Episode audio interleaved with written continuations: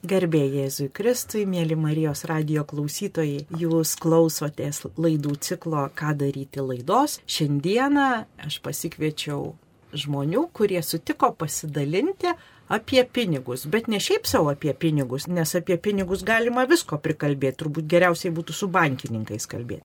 Mes kalbame kaip tikintieji, ką daryti su pinigais, apie šelpimą kaip tikėjimo Dievu išraišką. Ir net ruoždamiesi laidą galvomu, kaip čia pavadinti, ar šelpimas, ar aukojimas, ar išmalda, ar dešimtinė, ar dar kažkaip, tai tas toks pavadinimas gali būti ir visai nesvarbu. Svarbu, kad šiandien tiesiog trys vyrai su manim taip pat kartu dalinsi savo patirtim, kodėl jiems svarbu tai kodėl jiems svarbu jų tikėjime su Dievu kelionėje yra vat ir aukoti, dalintis savo uždirbtais pinigais su kitais žmonėmis, ar skirti evangelizacijai, ar dar kažkaip, tai jie patys ir papasakos. Iš tiesų būtų labai nesmagu, jeigu aš čia vat prisistatyčiau su savo nuotrauka ir pasakočiau, kaip aš čiaukoju. Tai nusprendėme, kad šiandien laida bus tokia anonimiška, bus tik mūsų balsai, nebus nei nuotraukų, nei vardų, nei pavardžių, kad mums patiems būtų ramiau, sąžiniai ir šiaip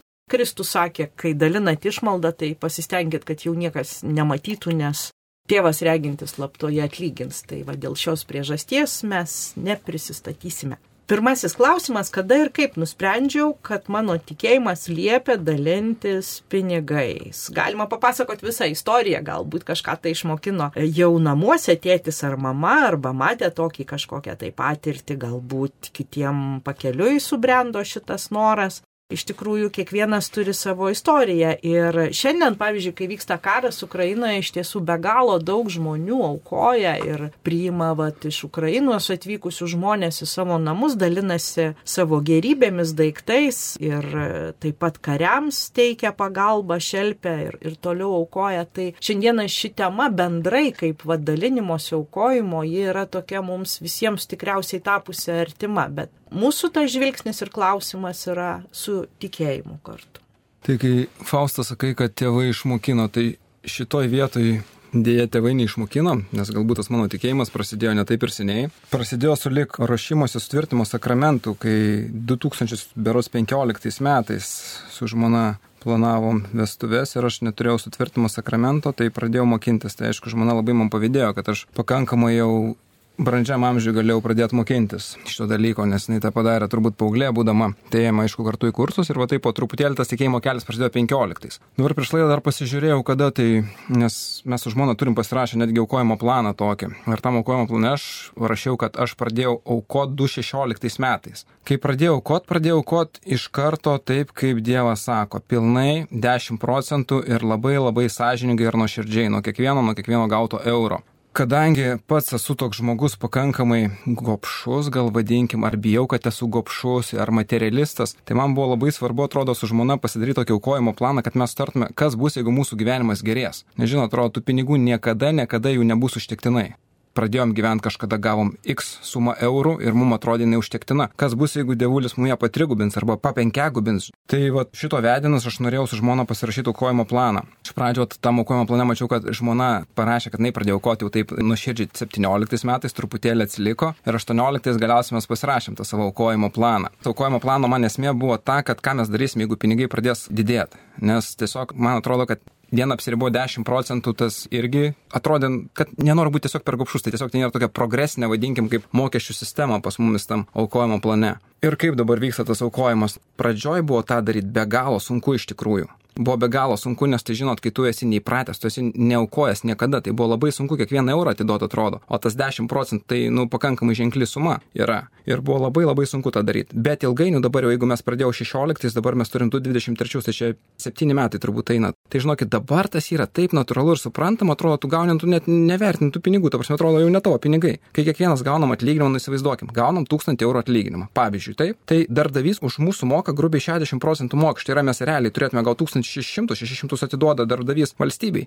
Ir nuo mūsų prašo atiduoti papildomai 10 procentų Dievas. Tai kas tai yra? Jau valstybė atidavėm 60 procentų, tik 10 procentų. Bet matot, kur kabliukas? Mes turim patys nuspręsti, kad 10 procentų savo laisvą valią turim kažkam atiduoti. Ir tas kabliukas yra be galo sunkus. Jeigu įsivaizduokite, jeigu valstybė 60 procentų prašytų iš kiekvieno atiduoti, tai iš vis būtų nesurinktų tų mokesčių be šansų būtų. O dabar kaip Dievui, kaip bendruomenėm, kaip bažnyčiom surinkti. Aš tikrai žinau ir girdžiu, kad bendruomenėm yra be galo sunku, nes žmonės neįpratę aukoti, jie aukoja po 5 eurus ir įsivaizduoja, kad jie čia daug aukoja. Tai 5 eurai tai yra kavos podelis galbūt, ar tai kažkoks elementarus pirkinys, kuriam neskauda, visiškai neskauda. Aukojimas turėtų kažkiek jaustis, kad tu atiduodi. Tai galiu nuliūdinti, kad jaučiasi tik pradžioj, paskui kai įsigyvendini, tai irgi nebesijaučia. Ir iš kitos pusės, žinot, kad dar pastebėjau, kad pradėjus aukoti pinigai tikrai nepradėjo mažėti. Jie pradėjo didėti. Ir jie pradėjo didėti pakankamai sparčiai. Čia kažkur girdėjau tokį palyginimą, žinai, sako, aš su šiupeliu kasu pinigus lauk iš savo biudžeto šeimos, o Dievas man su buldozeriu atgal verčia tus pinigus. Tai tikrai, nu, žinot, vat, jeigu dabar neaukojat ir galvojat, pradėsiu aukoti, nes Dievas man su buldozeriu privers atgal. Manau, klaidinga širdies nuostata ir Dievas taip pat gal tikrai nepriverstų pinigų vien dėl tos nuostatos. Bet jeigu tiesiog iki šiol neaukojo dar taip pat sąžiningai, tai pradėti tiesiog avansų duoti Dievui, avansui tiesiog pabandyti. Mėnesį, pusmetį, metus, o paskui pamatysit, kad tas buldozerio principas tikrai veikia. Tikrai, tikrai, tikrai veikia iš mano asmeninės patirties, tą galiu pasakyti. Tai turbūt tiek trumpai, galbūt paskiau dar kažką galėsiu pridurti eigoje, bet šiuo momentu tai ačiū. Garbė Jėzui Kristui. Mano istorija šiek tiek kitokia. Esu iš katalikiškos tradicinės šeimos. Mano amžinatelis tėtis ypatingai na, tokios labai geros širdies ir visada, kiek aš prisimenu, labai mėgo dalinti su kitais ir, ir kitiem padėti, pasidalinti to, ko turi, ar padėti kažkokiu darbu. Galbūt tai iš mano amžinatelsi tėčio atėjo tas noras dalinti su kitais.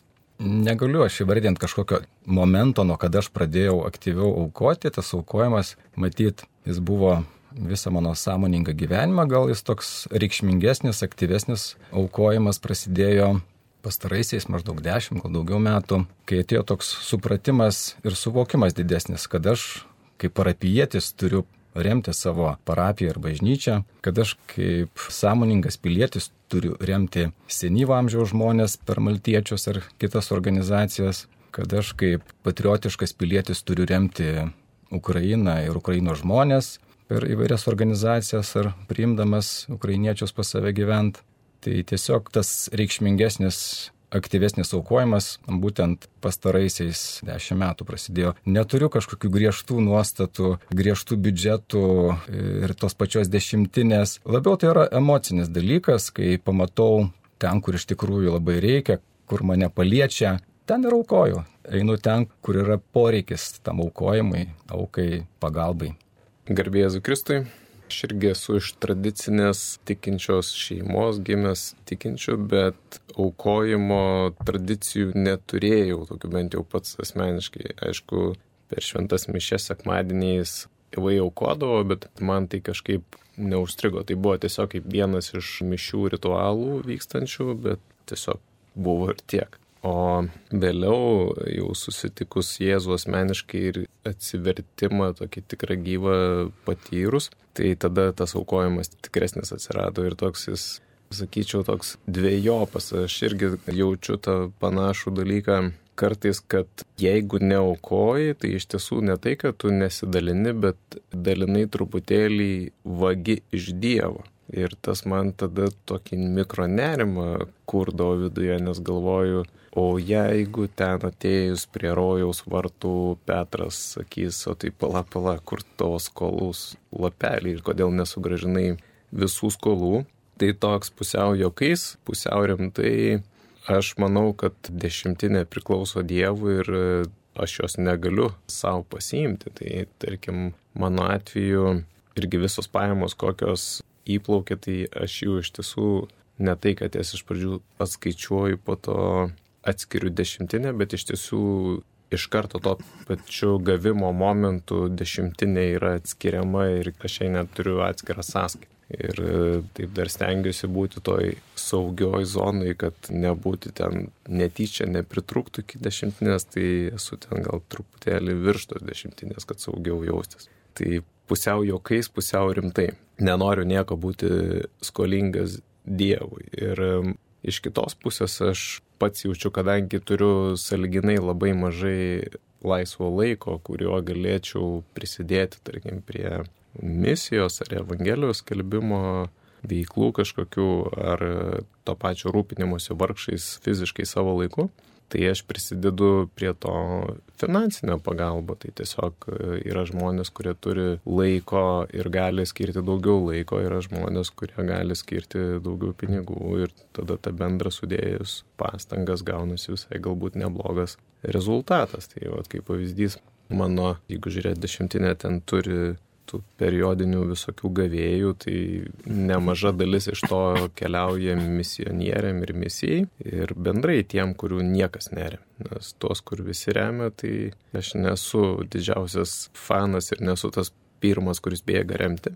Aš labiau mėgstu galbūt remti tai, ko niekas nenori remti. Šitoj vietoje norėčiau truputėlį pakalbėti apie tai, kas parašyta šventajame rašte. Tai iš tiesų dešimtinė tai yra senojo įstatymo nurodymas ir regis, kad to užtenka. Bet jeigu mes einam toliau ir ateinam iki Kristaus ir ateina žmogus, kuris sako, na, va, viešpatė, ką man daryti, kad aš paveldėčiau Dievo karalystę, kad aš ją gaučiau ir Jėzus sako, eik parduok viską, ką turi ir išdalink vargšam, tada teik sek paskui mane ir Tai Naujajame testamente iš tikrųjų visai kitaip yra. Jėzus sako, kad viskas yra jo ir jam priklauso ir niekur nei vienoje vietoje nėra kalbama Naujajame testamente apie dešimtinę, apie praktinę pinigų vatą rinkimą jau bažnyčios istorijoje, tai yra paštalų darbuose, kai vienur ir kitur ištinka sunkmečiai ir Paulius keliaudamas iš bendruomenės į bendruomenę ten ieško tų pinigėlių ir taip pat savo laiškuose užsimena. Ir jo kriterijus ir sako, tegul aukoja kiekvienas tiek, kiek savo širdyje yra nusprendęs. Tai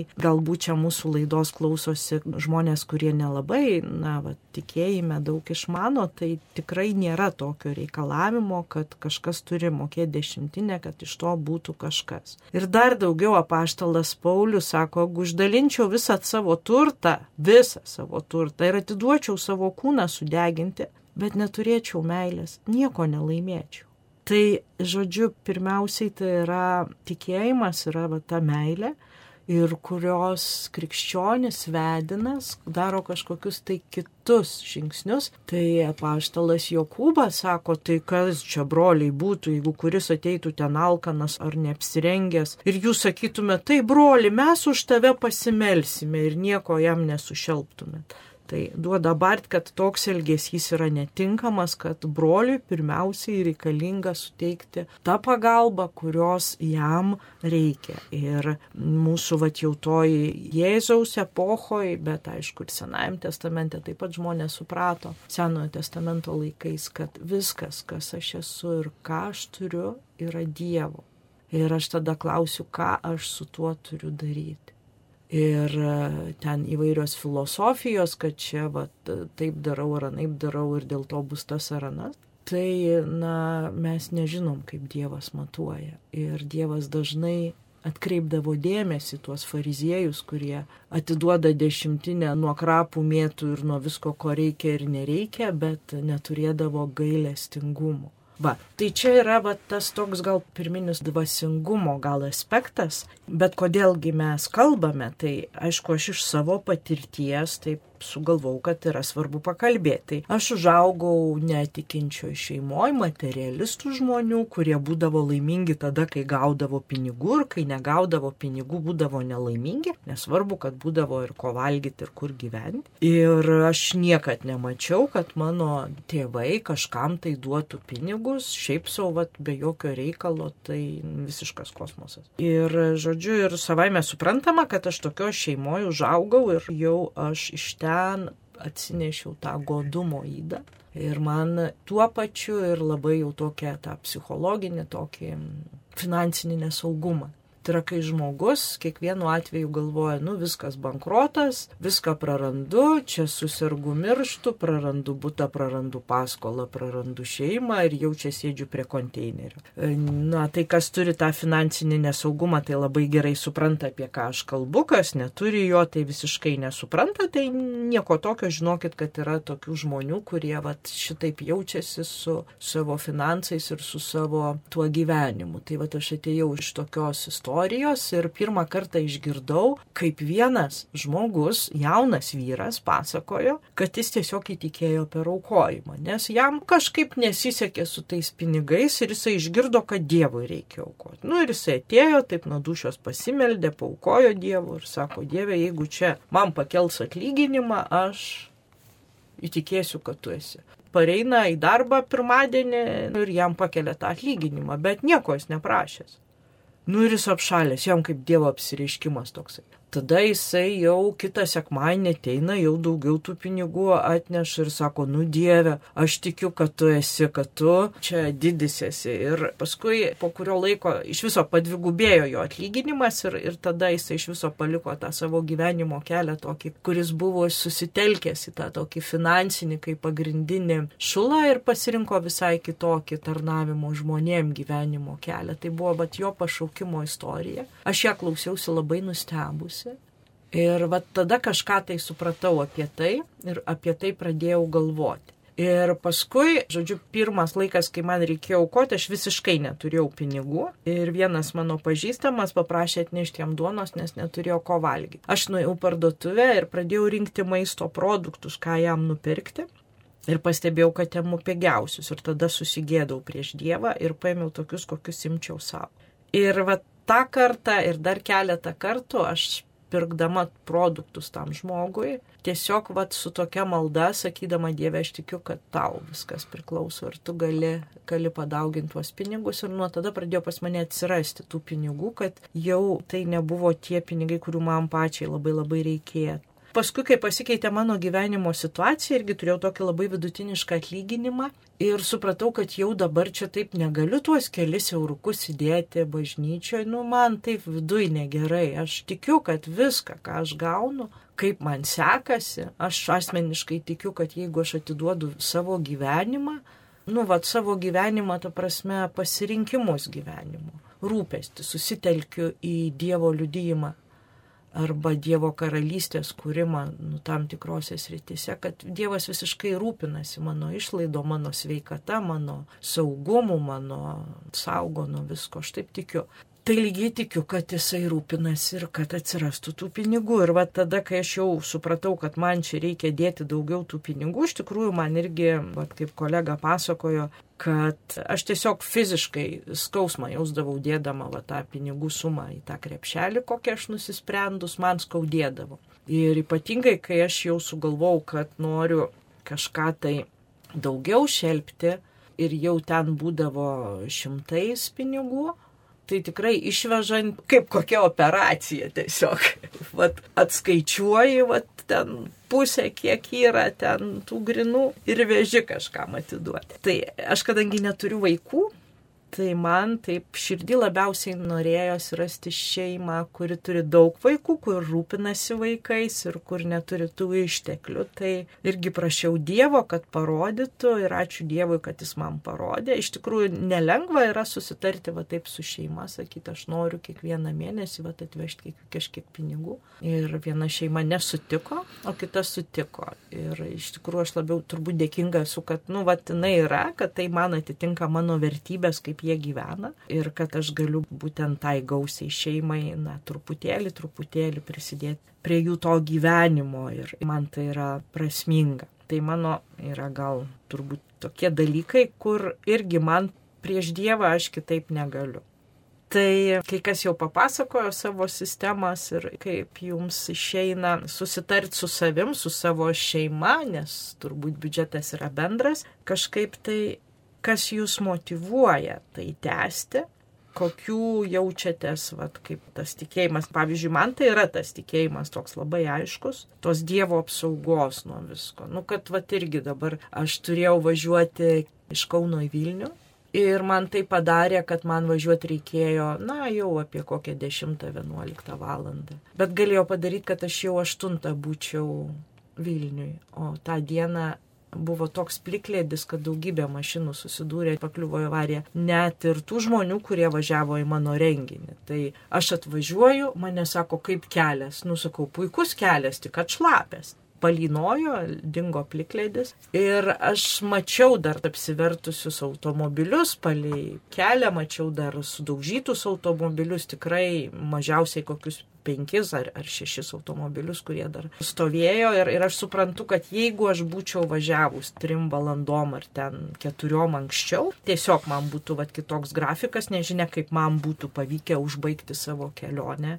Jo labiau, kad aš nu, nesijaučiu tokia labai užtikrintai gera vairuotoja. Ir tokių vat, momentų, kad mano tam vat, gyvenime tas matymas, kad, kad Dievas saugo, kad ten, nu, tai jų yra labai labai daug labai labai daug. Aišku, man taip pat yra labai svarbu, na, ir tas visas gyvenimas, ką aš veikiu per tas savo visas dienas. Nes aš lygiai taip pat ir kiekvieną savaitę tas dvi valandas skiriu savanorystiai, nes man atrodo, kad visas mano laikas yra Dievui, bet vat, man reikia tas dvi valandas, aš taip savo susigalvojau, mano tokia sistema, aš jas turiu skirti kažkam. Tai Tai yra ir Marijos radio laidų vedimas, ir grupeliai vadovavimas, kur aš negaliu sakyti, kad čia man labai kažkokia tai nauda ar malonė, bet tai yra mano dovana kažkam kitiem, nes Dievas man duoda jėgų, išminties laiko ir visų kitų dovanų. Tai ką galit pasakyti, kas motivuoja, kaip skirsto, kaip tą sažiningumas prieš Dievą, prieš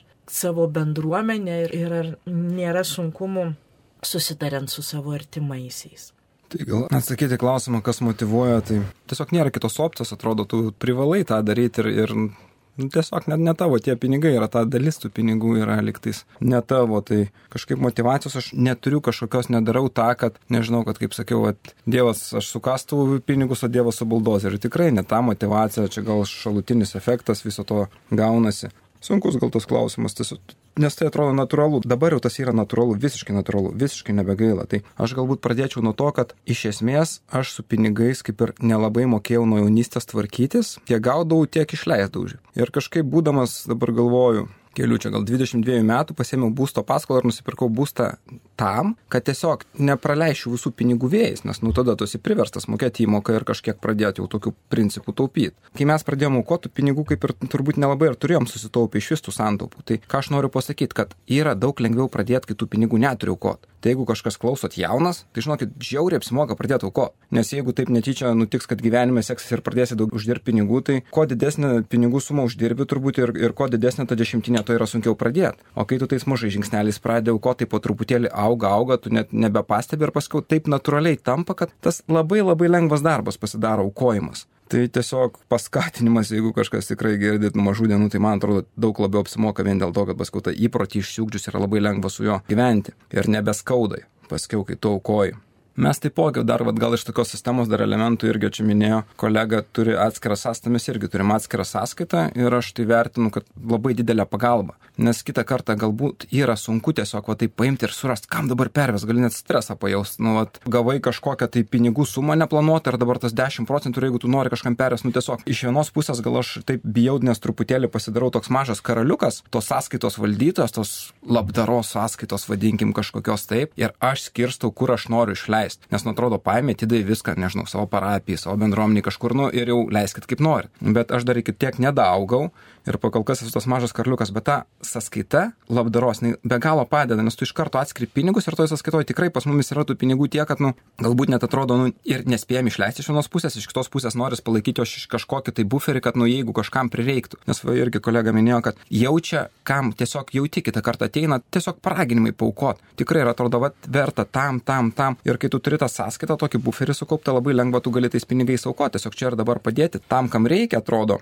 Ir iš esmės aš galvoju, kažkokią motivaciją. Nugi, ne darbais mes esame išgelbėti, taip, o Dievo malonė. Tai to aukojimu, nu tikrai nenusipirksi to išgelbėjimo, kad ir kaip stengsies. Ne tie laikai, kad inteligenčiam prekiaudavo, taip, nu turbūt ne vienas netikim, kad aukodami galim gauti amžiną gyvenimą, taip. Bet iš kitos pusės galbūt tai aukojimas tai yra lengviausias įmanomas darbas gyvenime, aš taip įsivaizduoju. Nu dabar įsivaizduokit, jeigu jum vietoje aukojimo lieptų, tarkim, aš bandžiau savanorystę hospise be galo sunki savanorystė, be galo sunki tarnystė. O yra žmonės, kas tai veža ir kas tuo mėgaujasi ir kam tas yra gera. Tai tarkim, paukot hospisui man yra dešimt kartų lengviau, negu man atlikti tiesioginę tarnystę. Tai iš tos pusės žiūrint, aukojimas yra labai lengvas, nes tiesiog tai kelių mygtukų paspaudimas ir tu gale mėnesio gavai atlyginimą, padarai pervedimą, viskas tu atlikai darbą, ne? Tai taip kažkokios gal atsakomybės šiek tiek galima, tokios nusimetimo, taip, Čia pas mane dar toks vienas įvykis įvyko, kai aš įsigandau, kad aš per gopšus galiu pasidaryti ir Dievas per daug pradėjo mane laiminti, tai aš taip nutariau, kad dirbsiu keturias dienas per savaitę už pinigus, nes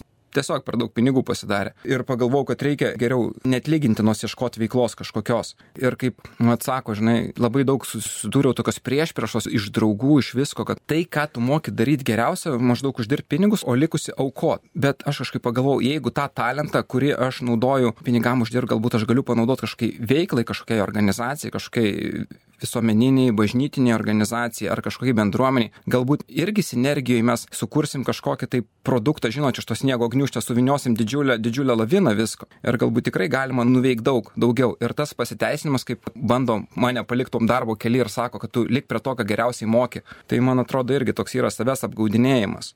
Tai va iš tų motivavimų, kaip sakau, išgelbės Dievas tik malonę, kažkiek gal nusimetė aukojant tos atsakomybės, to darbo, kurio galbūt galėtum skirti kad apsimoka pradėti anksčiau aukot. Irgi paminėjau, nes tai yra daug lengviau daryti. Tai turbūt tiek trumpai atsakant į klausimą, į kurį turbūt visiškai neatsakiau, o painterpretavau. Mane labiausiai motivuoja įsisamoninimas ir supratimas, o kas kitas, jeigu ne aš, jeigu esu parapijoje, parapijėtis ir kas kitas, jeigu ne aš išlaikysiu parapiją kartais žmonės įsivaizduoja, kad parapijos bažnyčios išsilaiko kunigai vien tik šventosios dvasios vedini. Tai yra, aišku, labai svarbu, kad šventoji dvasia lydėtų, bet tas materialusis aspektas irgi yra svarbus. Visiems reikia ir, ir išlaikyti bažnyčią, ir, ir pavalgyti ir panašiai. Tai šitoj vietoj mano tas supratimas jau senokai atėjęs, kad aš turiu prisidėti ir pakankamai reikšmingai prie parapijos išlaikymo. Pavyzdžiui, dabar, kai šildymo sezonas, bažnyčios moka beprotiškus pinigus, didžiulius pinigus už bažnyčių šildymą, o visi norim šiltai ateiti į mišes ir sumos yra labai didelės. Ir, ir aš tiesiog papildomai aukoju grinai šildymą ir tokias reikšmingesnės, ne dešimtis, o gal tūkstantį ir daugiau eurų tam, kad prisidėčiau prie to. Toliau man labai svarbu yra ir krikščioniška žiniasklaida, tas pats Marijos radijas, taip pat Bernardino LT, kur aš puikiai suprantu, kad jie nėra komercinės struktūros, jie negali transliuoti reklamų, jie negali iš to uždirbti kaip iš komercijos, jie yra išlaikomi mūsų pagalba, mūsų aukomis. Ir tas supratimas ir būtų labai gerai, kad kuo daugiau žmonių tai suprastų, kad čia žmonės dirba dažniausiai savanorystės pagrindais ir tos visos lėšos reikalingos būtent studijų išlaikymui ir, ir kitiem dalykam. Man taip pat yra svarbu Ir kaip ir minėjau, ten senyvo amžiaus žmonės, žinau, kad yra didžiulė pagalba ir tarnystė iš maltiečių tarnybos. Kaip kolega minėjo, jo, jeigu aš pats laiko negaliu surasti savo savanorystę ar tarnystę, aš remiu pinigais ir padedu tai organizacijai pasirūpinti senyvo amžiaus žmonėmis.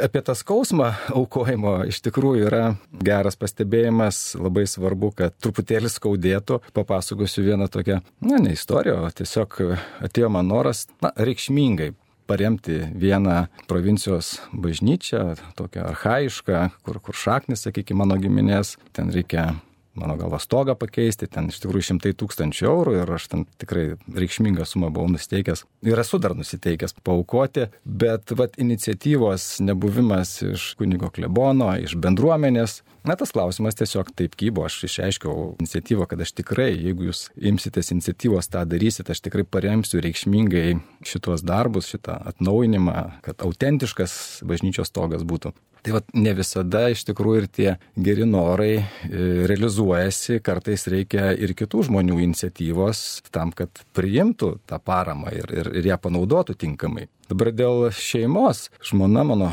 visiškai absoliučiai palaiko ir, ir turbūt aukotų dar daugiau, O įdomi reakcija vaikų būna. Kažkaip bažnyčiai pratinu visą laiką, kad vaikai įdėtų jaukų krepšelį pinigėlį, bet jeigu pamato, kad mes, na, kalbam apie, apie tai, kur aukojam ir kam aukojam, jie kartais labai nustemba, kaip čia taip, tiek daug, ko, kodėl ir tenka tokį irgi šviečiamą į darbą atlikti. Nu, galbūt tas galų gale mūsų pavyzdys ir gal juos irgi paskatins ir įkvėps ateityje taip pat nebijot aukot.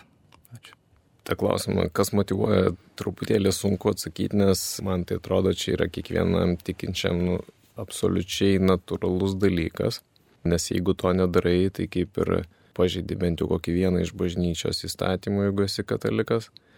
Ir šiaip man viduje tai toks jausmas, vat, ką aš ir pradžioje sakiau, kad toks Dievo apiplėšimas arba Dievo pinigų naudojimas savo reikmėm. Tai toks, jeigu aš paimčiau dabar iš dešimtinės sąskaitos, vat, savo kažką pirkčiau ar ten dar kažką, tai man labai neramus viduje jausmas būtų. Tai aš sakyčiau, gal ta tokia e, motivacija, jinai jos nereikia, jie tiesiog natūralus dalykas, tai yra tas pats, kaip tu meldiesi, kaip tu eini sekmadieniais į mišęs, kaip tu padedi, kai kažkas paprašo pagalbos, lygiai taip pat tu ir aukoji. Ir jeigu taip pat kolega minėjo, kad turi sąskaitoj buferį, tai pas mane truputėlį atvirkščiai, pas mane tai sąskaitai dažniausiai yra vakumas arba neigiama suma, nes kažkaip vis Dievas paprašo paukoti priekį avansų. Ir aš turiu tokį su juo susitarimą, kad aukoju aš tą dešimtinės procentą plus kokį esu susitaręs su juo. Ir sakau, žiūrėk, jeigu dabar bus mažiau pajamų, tai dešimtinė sumažės. Nu, tai per paskutinį dešimt plus metų dar nekarto nebuvo taip, kad dešimtinė suma sumažėtų, kol kas jinai tik tai didėja. Tai va, bet čia nėra kažkoks tai tikslas, čia tiesiog toks linksmas šalutinis efektas, kaip kolega paminėjo tą buldozerio principą. Bet ypač ta dalis galbūt tame, kad laiko aš pats asmeniškai tikrai salginai turiu mažai, tai aš dalyvauju misijai, dalyvauju geruose darbuose finansinę paramą. Ir kitas dalykas, aišku, tai nėra kažkokia speciali motivacija, bet tiesiog aukoti, padėti, dovanoti, dalintis yra labai smagu ir tai džiugina širdį. Ir šitą dalyką daro lygiai taip pat visiškai netikinti žmonės dėl to pačios priežasties, kad yra tiesiog labai geras jausmas dalintis ir aukoti. Man tai motivacija yra grinai savanaudiška, aš gelbėjau juos nuo godumo ir nuo va, to finansinio nesaugumo jausmo, kuris tikrai labai trikdo, kai va, tu viską skaičiuoji, atsiguli lovą ir tau vaidenasi, kad jau dabar pritrūks, o kas bus, jeigu bus ir bijai netek darbo ir dar kažko bijai. Jo labiau, kai aš neturiu to tinklo žmonių, kur, nu, bent jau man netrodo, kad aš jį turėčiau, kur čia mane jums gelbėti ir šelbti. Ir va šitas būdas jis mane visai išlaisvina nuo šitų dalykų. Aišku, yra ir tas, na, Dievo dosnumo gestas jis yra. Bet mano siekis gyvenimo yra vis dėlto neturtas, aš, mano svajonė yra kuklus, paprastas gyvenimas, paprasti daiktai, paprasti maistai, paprasti rūbai, tai man yra vertybė asmeniškai. Ir kitas dalykas, aš pati taip jau, ar mūsų ta laida, kad paskatint kažką tai aukoti. Ne. Mano nėra toks tikslas. Mano tikslas yra galbūt vat, tiesiog pakviesti apie tai pagalvoti, kaip yra, nes Biblijoje yra tos istorijos, kur, na, va, tas našlės katikas, kai žmogus atiduoda viską. Ir iš tikrųjų, kad viską, kas mes esame ir ką turim, yra Dievo. Ir vat, apie tai, apie tai mano šios dienos yra užmojas pasidalinti ir pakalbėti. Ir aš manau, turbūt nėra tokio žmogaus, kuris viską, viską pagal tą Dievą išpildytų. Na, dabar vat yra gavėnios laikas, sakykime, ar ne? Ir Dievas kviečia į atgailą. Malda, pasninkų ir išmalda. Tai gal man išmalda išeina, o neišeina visai pasninkas arba išeina pasninkas, neišeina malda. Tai Dievui viskasgi tinka, mes turime vairiausių būdų, kaip tarnauti ir kaip jam jo dovanas atsiliepti tuo dėkingumu. Tai mano yra vat, toks bendrai supratimas. Ir kitas dalykas, tai kam aš tikrai žmonės visada kviečiu, kas manau yra pirmas numeris, tai yra malda, vidinė malda, pokalbis su Dievu, su juo tarimasis pirmas dalykas, kuris yra pats svarbiausias, va, kiekvieną rytą visiškai atiduoti save į Dievo rankas, save, savo šeimą, savo tėvus, savo vaikus, savo namus, darbus, viską, kad truputį kaip Abraomas karts nuo karto prisimint, kad, na, aš esu Dievo rankose visiškai. Ir tada jau yra visa tai, ką mūsų bažnyčia moko, ir sekmadienio mišios, ir išpažintis. Išpažintis kaip va, tas išlaisvinimas ir gydimas, ir toliau va, visi šitie kiti socialiniai dalykai, kurie mums padeda aukti tam tikėjime. Bet kai pasakojau tą istoriją, dėl kurios aš pati atkreipiau dėmesį į šią temą, tai būtent buvo, kad žmogui va tas šelpimas ar aukojimas tapo jo atsivertimo istorija. Tai mano toks yra požiūris į šią temą. Ką dar norėtumėt pasakyti? Aš tai vad priešingai kažkaip eidamas šitą laidą įsivaizdavau, kad vienas iš tikslų kaip tik paskatinti žmonės aukoti. Nes žinau tiek vad mūsų parapijų, mūsų klebonijai, žinau, kad yra milžiniška problema apmokėti sąskaitas, už šildymą apmokėti sąskaitas. Yra krūva kitų bėdų, kur tiesiog trūksta finansinių resursų. Lygiai taip pat žinau bendruomenėse, kur yra milžiniška problema, nes žmonės neaukoja jie aukoja po 2-5 eurus ir įsivaizduoja, kad tai yra paukot, bet žinot, jau praeina tie laikai, kai mes atėjome tą nepriklausomybę, mus rėmė galbūt ir, ir vokiškos, ir Amerikos, ir kitos organizacijos, nes mes buvom tokie startuoliai toje rinkoje, laisvoje ekonomikoje. Dabar tie remimai įvairiom organizacijom užsidaro. Ir mes patys tikrai valstybė gyvena gerokai geriau, jeigu pasižiūrėtume vidutinį atlyginimą doleris, kuris skaičiuotas, kai ten 90 kažkėlintais metais, aš nežinau, galbūt 30 dolerių uždirbo vidutiniškai žmogus, tai kiek dabar doleriais uždirba. Tikrai paaugęs par gyvenimo lygį lygis. Ir mes turim prisimti atsakomybę už tas organizacijas, už bažnyčią, kad jinai funkcionuotų, kad jinai atliktų savo veiklą, kad jinai, vat, kaip minėjo, kad remia misionierius, remia evangelizavimą. Ta prasme, mes turim tą savo indėlį duoti, kad būtų galima tos pinigus kitaip perskirstyti. Tai aš tikrai eidamas šitą laidą įsivaizduoju ir norėjau, kad paskatinti žmonės aukoti, nes tai yra svarbu, tai yra reikalinga. Tai yra be galo reikalinga. Paantrinčiau kolegai, aš irgi norėčiau, kad mūsų šios dienos pokalbis paskatintų klausytojų susimastyti apie aukojimą ir iš tikrųjų susimastyti, ar pakankamai aukoju. Čia pritarčiau iš tikrųjų kolegai, kai pamatai šeimą gražiai apsirengusią, akivaizdu tikrai neblogai uždirbančią ir kurie aukoja metaliuką, dedama į, į aukų krepšelį, na iš tikrųjų yra keista. Kartais pa žmonės toks supratimas, kad va čia bažnyčiai pats minimumas, o va kitur ten maistui, pramogom galiu sauliaisti labai daug. Tai va susimastyk vis dėlto, kad aukoti adekvačiai ir kitam kolegai paantrinsiu, kad iš tikrųjų aukoti, remti, padėti, šelbti iš tikrųjų yra gera. Ir kai šį metų gale pasižiūrėjau į savo aukojimų sąrašą ir pastebėjau, kad dar nepakankamai paukojau ir pačioje metų pabaigoje dar kelias pakankamai reikšmingas aukas padariau, man iš tikrųjų pasidarė žymiai geriau ant širdies. Aš prisimenu dabar bažnyčiai, kartais vaikai eina irgi, mano sako, žiūrėk, bet kodėl čia tiek mažai yra tų stambesnių kupiūrų. Jokas juokais iš tikrųjų vaikai mato mūsų pavyzdį ir čia yra vienas iš to dalyko, ką mes irgi turim parodyti, nes yra parašyta toks dalykas, kas šykščiai sėja, šykščiai ir pjaus. Kas dosniai sėja, dosniai ir pjaus. Ir e, nepaisant to, kad mum negalioja senojo testamento įsakymų nuostatos, ar bent jau jos ne visos galioja, taip tiesiogiai, kurios ten buvo skirtos izraelitam ir panašiai, bet viena tokia vieta mini pasidalinsiu su jumis. Tai Malachijo knygoje yra tokia viena vieta, kur viešpats sako, atneškite visą dešimtinę ir taip mane išmėginkite. Aš tikrai atidarysiu jums dangaus langus ir apipilsiu jūs visokiojo papalaimą. Tai va, tai aš jums siūlau ne tai, kad čia labai būtina aukoti, bet pabandykit ir pažiūrėkit. Aš dar prisimenu va tokį dalyką, kad pradėkim aukoti nebūtinai galbūt va čia bažnyčiai ar bendruomeniai, bet iš esmės tą savo dešimtąją dalį perskirstyti, kaip valstybė perskirsto, tai perskirsto mokiniam, perskirsto ligonėm, tam, kam reikia. Tai galbūt jūs perskirskite pagal savo sąžinę ir savo norus. Galbūt atidėkite 10 procentų, galbūt gali remti šunų prieglaudą, jeigu tau tas yra svarbu, nes to irgi gal reikia. Galbūt katyčių, galbūt nežinau, žuvyčių, koks egzistuoja draugijos, ar bet kas. Ta prasme, iš esmės pradėkit mažus žingsnelius ir darykit tai, kas jums patinka. Dievas tikrai tą kelią parodys Ir dar vienas dalykas, kažkaip man tai beklausant, taip nuskambėjo, kad kažkas šešimtais, kažkas tūkstančiai čia aukoja. Tai taip atrodo iš šalies klausant, kad mes čia super kažkokie turtuoliai susirinkę. Tai tikrai taip nėra. Mes kai 16 metais pradėjome aukoti, mes nieko neturėjom. Ta prasme, turėjom paskolą už būstą. Ir tikrai nuo to laiko neprabėgo dar tiek daug metų, bet tikrai, vat, pagal Malachėjo pranašystę, veikia, žinokit. Veikia, liūdėjau savo gyvenimu. Amen.